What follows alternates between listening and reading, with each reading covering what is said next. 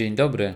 Paweł Sadowski, NN Investment Partners TFI, cotygodniowy flash rynkowy. W zeszłotygodniowym komentarzu wspominałem m.in. o zmianie nastawienia klientów TFI do profilu ryzyka nabywanych przez nich produktów. Impulsy do rozpoczęcia tej ewolucji preferencji inwestycyjnych były wysyłane już od dłuższego czasu przez stale rosnącą inflację. To wspomniane finansowe utrapienie połączeniu z doświadczeniem wyniesionym z pandemii doprowadziło również do ponadprzeciętnego zainteresowania alternatywną do rynków finansowych formą lokowania nadwyżek środków pieniężnych. Podobnie jak ponad rok temu w panice wykupywano podstawowe środki higieny oraz żywność z długim terminem przydatności do spożycia, to teraz ten stan zakupowego rozemocjonowania obserwujemy w odniesieniu do rynku nieruchomości.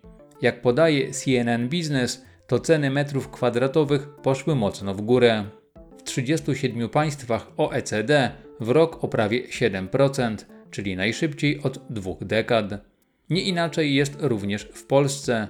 Z raportu NBP wynika, że ceny transakcyjne na rynku pierwotnym w siedmiu miastach będących największymi rynkami nieruchomości wzrosły w pierwszym kwartale 2021 roku o prawie 8% rok do roku.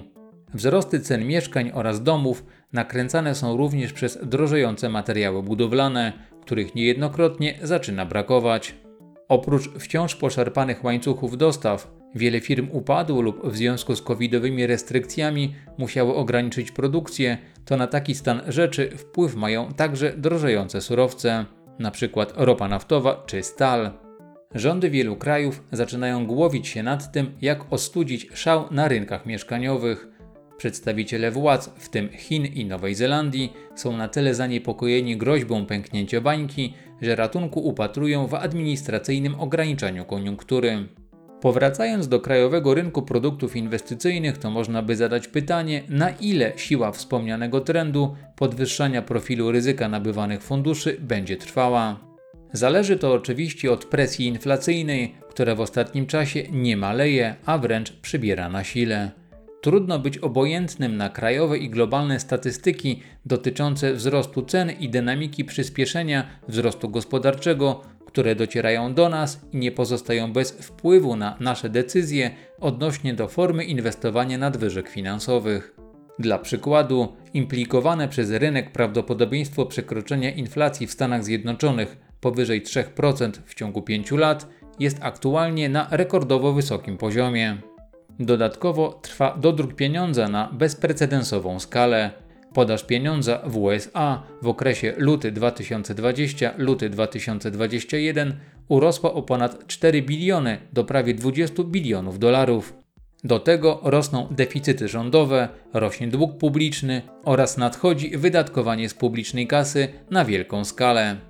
Nic więc dziwnego, że oszczędności gospodarstw domowych, które mają formę depozytów oraz gotówki znajdującej się poza kasami banków, zaczynają coraz bardziej parzyć w ręce. Stąd też można oczekiwać, że w kolejnych miesiącach będą one jeszcze chętniej zamieniane na wybrane aktywa materialne i finansowe, a to wzmocni tempo obiegu waluty i finalnie inflację. Niewykluczone, że przyszedł właśnie czas, a może wręcz konieczność przemodelowania portfeli inwestycyjnych, aby przygotować je na okoliczność wystąpienia wysokiej i dynamicznie rosnącej inflacji. O tym, które aktywa chroniły w przeszłości najskuteczniej siłę nabywczą pieniądza, możemy dowiedzieć się z raportu analityków Men Group. Przeanalizowali oni 95 lat historii rynków finansowych z USA, Wielkiej Brytanii oraz Japonii. Zbadali, które aktywa spisywały się najlepiej, a które najgorzej w trakcie tzw. Tak reżimu inflacyjnego, który ma miejsce, gdy inflacja CPI rok do roku wynosi ponad 5%. Od 1926 roku było 8 takich momentów w Stanach Zjednoczonych. Najwyższą średnioroczną realną stopą zwrotu w tych okresach na poziomie 14% mogą pochwalić się surowce. W ramach koszyka towarów najlepiej zachowywały się surowce energetyczne oraz przemysłowe. Jak pewnie można się domyślić, to w okresie podwyższonego tempa wzrostu cen również złoto nie traciło swojego blasku. To, co dla niektórych inwestorów może stanowić niespodziankę, to fakt, że po pierwsze, jeżeli chodzi o zachowanie inwestycji alternatywnych, to nieruchomości ze średnioroczną realną stopą zwrotu na poziomie minus 2% zostały daleko w tyle za profitami, które płynęły z posiadania znaczków pocztowych, kolekcji sztuki czy inwestycji w wino, które przynosiły odpowiednio 9, 7 i 5% zysku. Po drugie, w otoczeniu wysokiej i dynamicznie rosnącej inflacji, to również akcje cierpiały z powodu podwyższonej niestabilności w środowisku makroekonomicznym, gdyż koszty działalności rosną zazwyczaj w tempie wyższym niż ceny produktów i usług. Jedynie spółki z sektora energetycznego zapewniły nieznaczną ochronę przed inflacją.